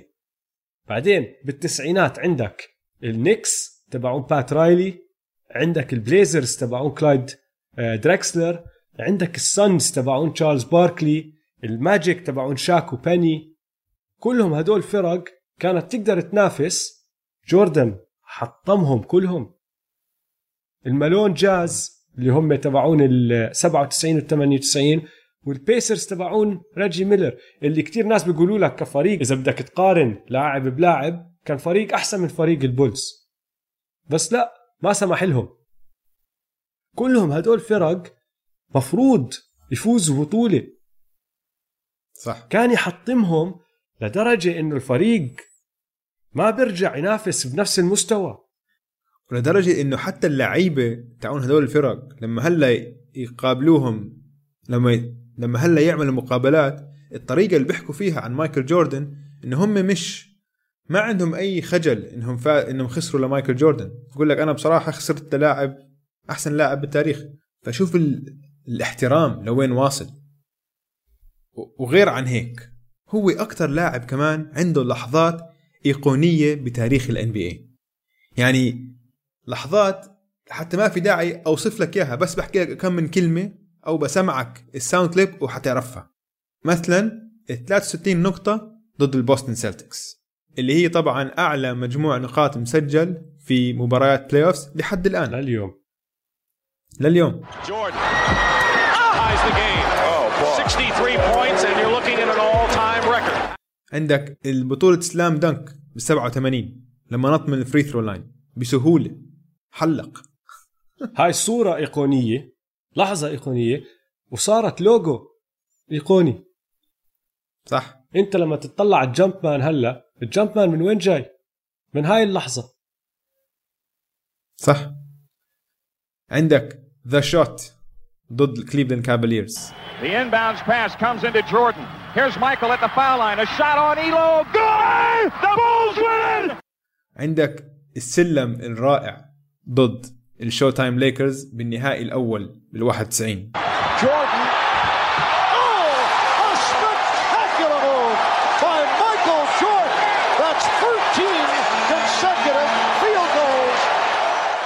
ب 92 مدرب ال Blazers حكى إنه نحن حنخلي جوردن يشوت ثريات عشان هو ما بيحب يشوت ثريات. جاب ست ثلاثيات بأول half time وعمل ال shrug. هاي كمان لحظة إيقونية. عندك ال 41 نقطة بنهائيات 93 معدل 41 نقطة في نهائيات 93 عندك 72 فوز في موسم 96 عندك ال flu game طبعا. كمباراة كاملة. سبعة مباراة كاملة في 97 اللي قد ما هي أيقونية كانت موضوع أول حلقة من بودكاست Step Back وطبعا آخر لحظة أيقونية اللي هي الطريقة اللي أنهى فيها كل مسيرته. المباراة السادسة في 1998 آخر 40 ثانية اللي سواه ضد اليوتا جاز لما أول شيء حط ال layup بعدين أخذ ال steal بعدين جاب آخر شوتة follow through وال follow through ووقف عمل ال pose هاي المباراة كلها أيقونية 17 seconds from game seven or from championship number six. Jordan open. Chicago with the lead. Timeout, Utah. 5.2 seconds left. Michael Jordan running on fumes with 45 points. بيبن انصاب بأول مباراة. فقال لك جوردن أكلنا هوا. كان هلكان هلكان. طبعا قبل ما نوصل لآخر 40 ثانية كان مسجل 41 من ال 83 نقطة لشيكاغو بولز يوميتها. وبعدين دخلنا بال 40 ثانية هاي لما جاب السلم واخذ ال steal بعدين جاب الآخر شوتي صفى مسجل 45 نقطة من ال 87 نقطة اللي مسجلهم الفريق. يعني يمكن هاي أعظم مباراة أي لاعب سلة لعبها بالتاريخ. لأنها بالنهائي لأنها فوزته سادس بطولة. واو يا زلمة. شو هاد؟ أنت زي ما حكيت ما أظن في لاعب بقرب عليه باللحظات الإيقونية. حتى ناس ربحوا بطولات أكثر أو عندهم هايلايتس كتير. ما عندهم هاللحظات هاي. يعني بالرسل ما حدا بتذكره لأنه زمان. بس فكر بالثمانينات والتسعينات والألفينات وحتى لليوم آخر عشر سنين. ما في لاعب واحد تقدر أنت تعدل له لحظة ورا لحظة ورا لحظة ورا لحظة وهو بس يتخيلها براسه بدون ما يكون شايفها. ماجيك ما عنده إياها. عنده sky hook. هاي أول إشي بخطر على بال الكل. بيرد عنده ال steal. لبرون عنده ال block. كوبي بلكن أكثر واحد بقرب عليه بهذا الإشي بس حتى كوبي ما عنده هالعدد الكبير. ومش بالنهائيات. معظم اللحظات الإيقونية تاعون مايكل جوردن بالنهائي كانت. ما هاي هي. لو إنه تفكر فيها هدول اللحظات اللي أنت حكيتهم هلا هم اللحظات اللي الكل بتذكرهم هيك على طول. بس لو بدك ترجع وتخش بال highlights تبعونه ما بتتس ما بتخلص. بتكمل وبتكمل وبتكمل وبتكمل وبضل يطلع. في المباراة اللي عمل فيها هيك في المباراة اللي سوى فيها هيك في المباراة اللي سوى فيها هيك. هدول كانوا حركات إيقونية بلحظات مهمة كتير لأنه أغلبهم بال playoffs ومش بس بأول مباريات ال playoffs بالنهائيات وفاز. فيهم كمان. مش إنه عملها وخسر. هاي هي. فاز. هاي هي. صح. وغير هيك يا دويس أنا بقدر أقعد أنا وياك وأحكي لك غير كل إشي عمله على الملعب أثره على العالم وكرة السلة والرياضة برا الملعب لسه أكبر من اللي سواه على الملعب. مية بالمية. لسه إيقون لسه هو إيقون أكبر يمكن برا الملعب. يا زلمة أنا ما بكون عم ببالغ بالموضوع لو أحكي لك إنه لولا إم جي أنا وياك وأغلب مستمعينا ما بيكونوا مشجعين للسلة حتى اللي ما حضروه على فكرة. حط ببالك قبل MJ والثمانينات ال NBA كدوري كان محبوب بس بال US بأمريكا مش برا أمريكا وحتى بأمريكا ما كان على المستوى اللي هو فيه هلأ. وصل MJ. وكان طبعا نعطي حقه ديفيد ستيرن ساعد لأنه ديفيد ستيرن عبقري تسويق وشاف شو عنده بمايكل جوردن وكيف بيقدر يستفيد منه.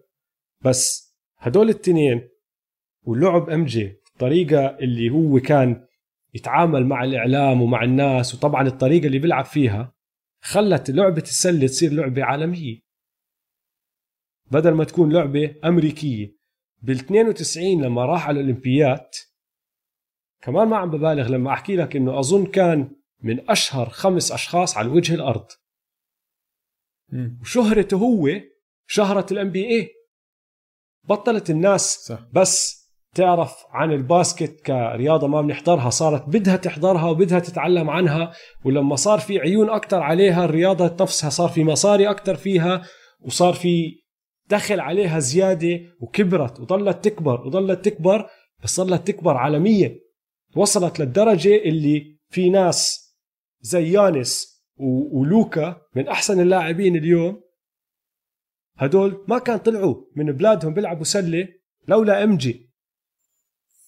اسمع أوجي أنا وياك. ربينا في الأردن. في الأوائل التسعينات كنت تنزل على المناطق الشعبية تلاقي محلات عم بتبيع تيشرتات شيكاغو بولز ومايكل جوردن. ما كان في ولا إشي من الغرب. يعني كان في قليل كتير بضاعة غربية. حتى هاي ما كانت بضاعة غربية. كانوا مزورين شيكاغو بولز قد ما كان الشعار وقد كان, اسم وشهرة مايكل جوردن منتشرة في العالم.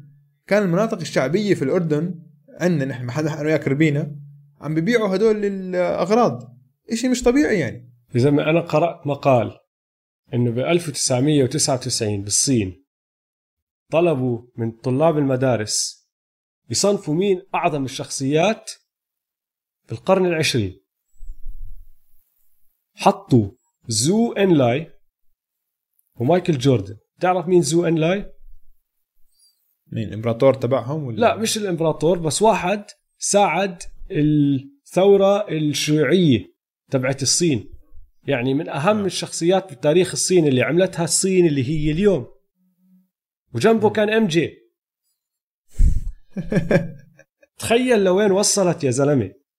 MJ شهر اللعبة وغيرها والإشي الثاني اللي سواه اللي هو غير الطريقة اللي اللاعبين والرياضيين مش بس بالسلة بس بكل الرياضات بسوقوا حالهم. وكيف بيربحوا مصاري من الرياضة اللي بيلعبوها. لأنه MJ كان أول رياضي صار هو نفسه العلامة التجارية. طبعا اللعب تبعه كان الأساس لأنه طريقة لعبه كتير حلوة.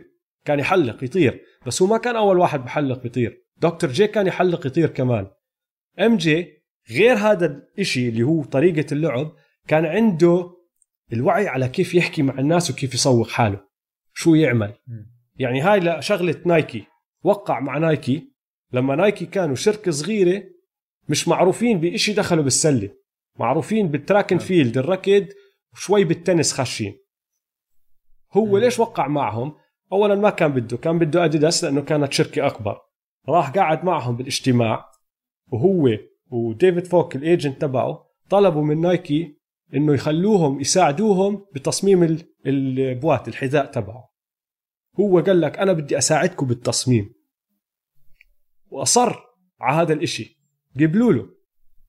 لما صمم البوت تبعه كان أحمر وأسود وأبيض.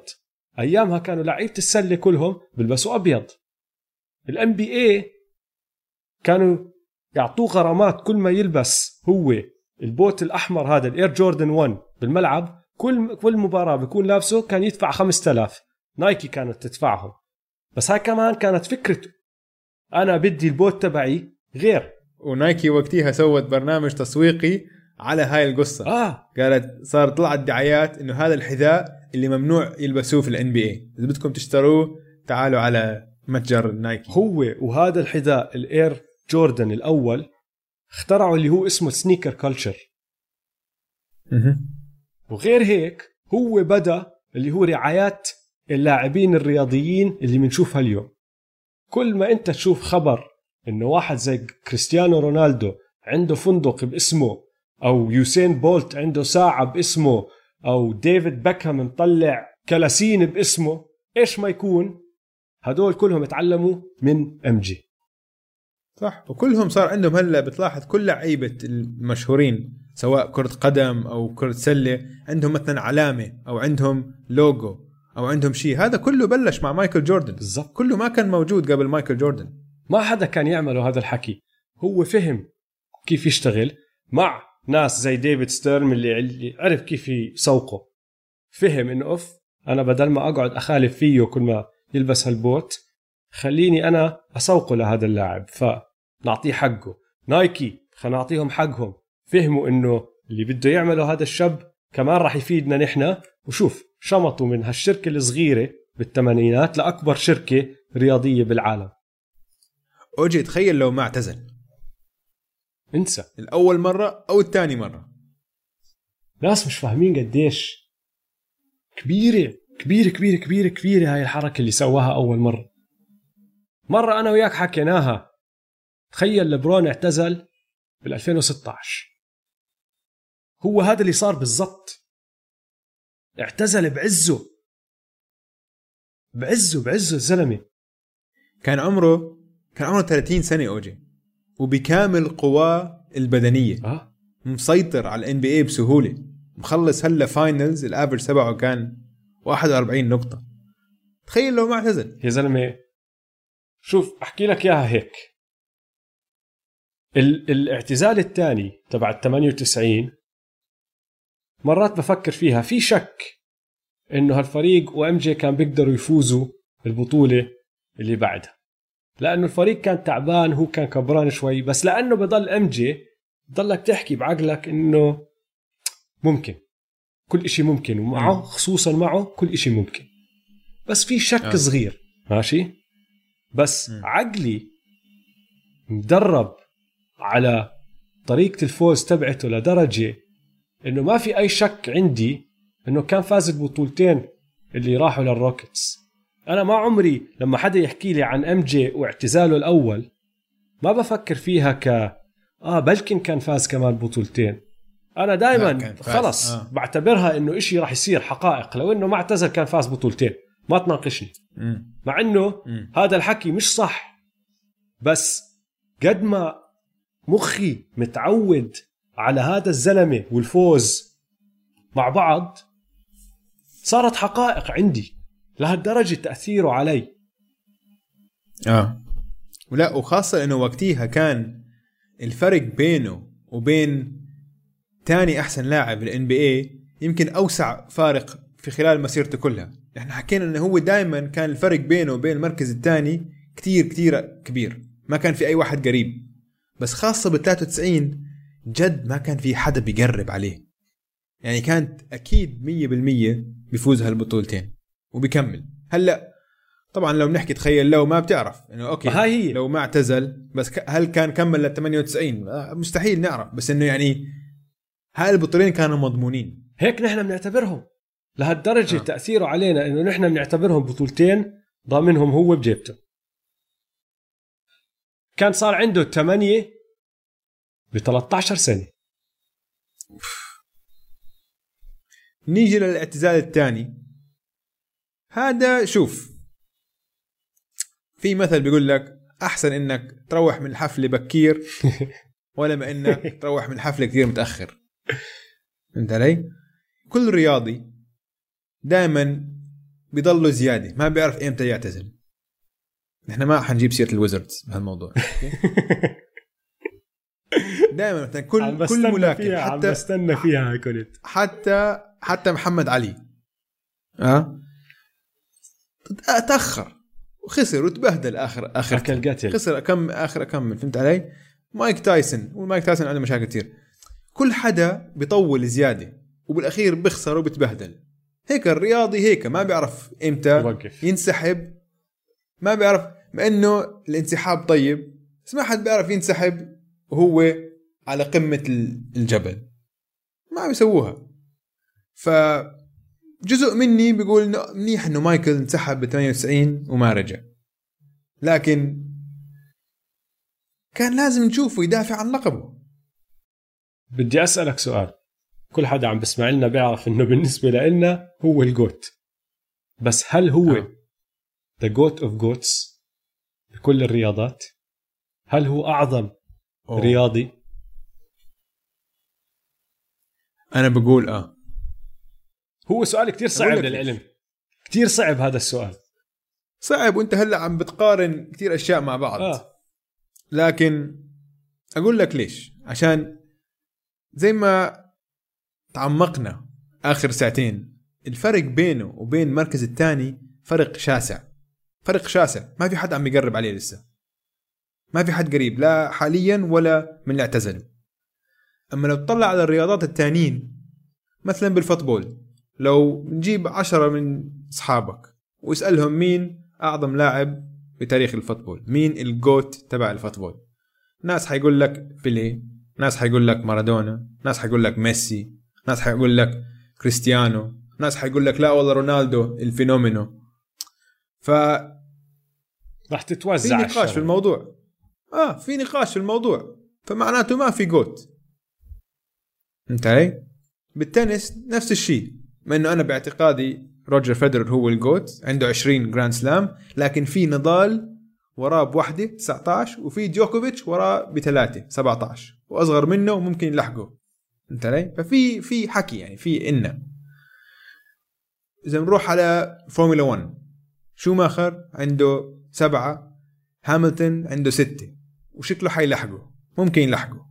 يعني في حديث قريب في في منافسة. لما نروح على الجولف. تايجر وودز عنده 15 major. بس لساته المركز الثاني. عندك جاك نيكلوس عنده 18 فلساته مو ال GOAT تبع الجولف. ف ما بعرف. مايكل فيلبس. انت شو رأيك؟ مايكل فيلبس أكيد GOAT السباحة. بس هاي بحسبها غير عشان هاي أنت ما عم تتنافس ضد حد تاني. أنت بس عم تتنافس ضد وقت معين ضد زمن. رياضة فردية. وهي ما فيها نقاش. آه وما فيها نقاش يعني. هو يوسين بولت نفس؟ الإشي. بالضبط. هدول بس إنه ما في نقاش عشان هاي محسوبة إنه اسين بولت ركض ال 100 متر ب 9.58 ما في حد أسرع منه. ما فيش نقاش. نفس الشيء مايكل فيلبس. عنده ابصر كم من رقم قياسي في السباحة. ما فيها نقاش. ما عم تت... ما عم تتنافس ضد حد تاني. عم تنافس ضد الوقت. شوف ف... أنا أنا حبيت اللي أنت حكيته بس أنا بطلع عليها بطريقة تانية.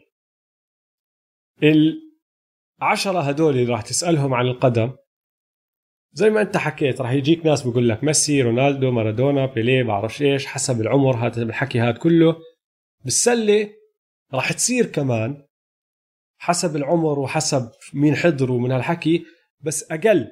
يعني إذا بالقدم راح يعطوك أربعة ميسي ثلاثة رونالدو اثنين مارادونا اثنين بيليه هيك صاروا 11 بس المهم إذا هيك توزعت أظن بالسلة راح يجيك ستة بيحكوا لك جوردن بلكن سبعة.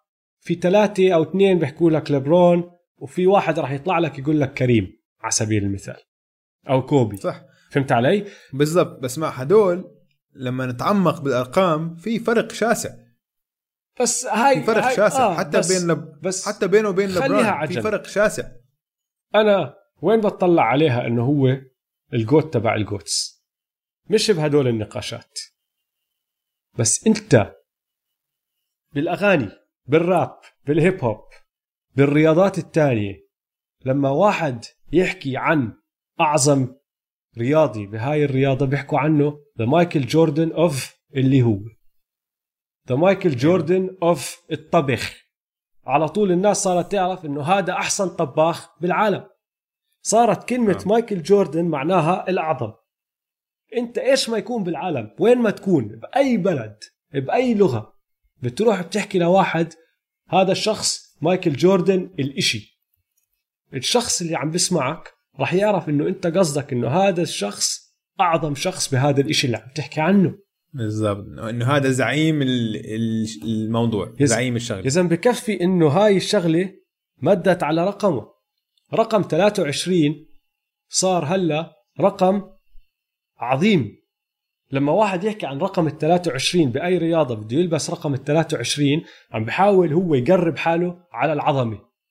تذكر لما ديفيد بيكهام وقعوه ريال مدريد والجالاكتيكوس من يونايتد بالزمانات؟ امم. طبعا.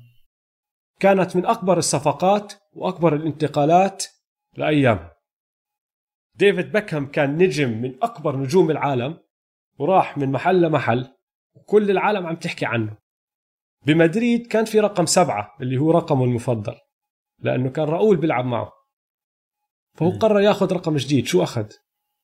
رقم 23 إذا أنت من أبرز النجوم وأعظم النجوم برياضة تانية عم باخدوا رقمك عشان رقم عظيم. أنت يا زلمة حققت إشي خرافي. بكفي إنه يا دويس وأنا عارف إنه الجيش راح يكرهني عليها هاي الجملة بس بكفي إنه ليبرون جيمس أخذ رقم 23 عشانه. قوية. هذا الرقم صار رقم العظماء بأي رياضة. فأنت أخذتها بطريقة قارن أرقام وإحصائيات وهيك وصعبة راح تكون بين الرياضات. بقول لك أنت ما بتسمع الناس بتحكي هو الروجر فederer تبع كذا كذا.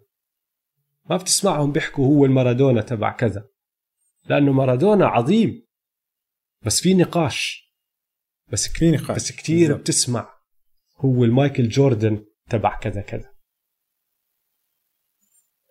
GOAT of GOATs قبل ما ننهي بصير أحكي لك أكمل قصة trash talking ل MJ. حلو. آه. لأنه في كتير قصص. في كتير. وفي منهم كتير معروفين. وفي منهم شايفينهم بعيوننا إنه MJ بسكر عيونه وبشوت free throw لموتومبو وهيك أشياء. بس راح أحكي لك ثلاثة مش لهالدرجة معروفين بس كتير كتير كتير قوايا. عم بيلعب بيوتا حط dunk على جون ستوكتون. هو عم بيرجع الملعب على الدفاع. واحد من الجمهور قاعد courtside. بقول له أي مالك على الصغير. لاقي لك واحد بحجمك. أخذ الطابة MJ طلع هجمة. ال center تبع يوتا أيامها كان واحد اسمه ميل تيربن طوله 7 1 راح dunk عليه. الهجمة اللي بعدها على طول. لف لعند هذا المشجع قال له هذا منيح حجمه؟ كفي؟ عم بيلعبوا ضد الليكرز. بايرن سكوت كان مدافع قوي أيامها. بالعادة بيمسك MJ.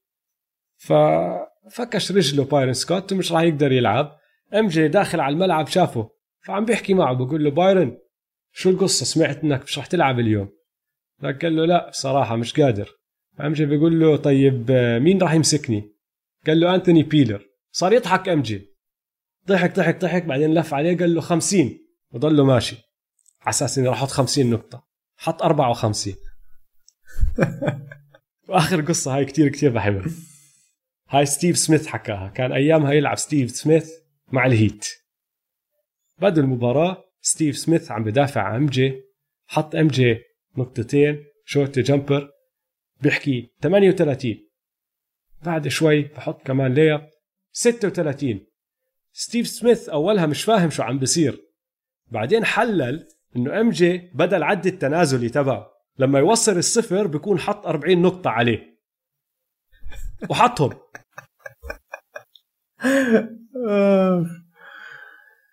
اسمع ذكرتني بقصة كان في بعد ما اعتزل.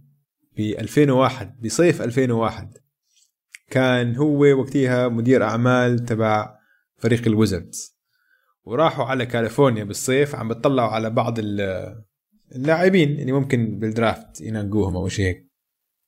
فكان بول بيرس وقتها بال NBA فصار يحكي مع مايكل بقول له إيش مايكل؟ شو اعتزلت؟ كأنه بدكاش ترجع.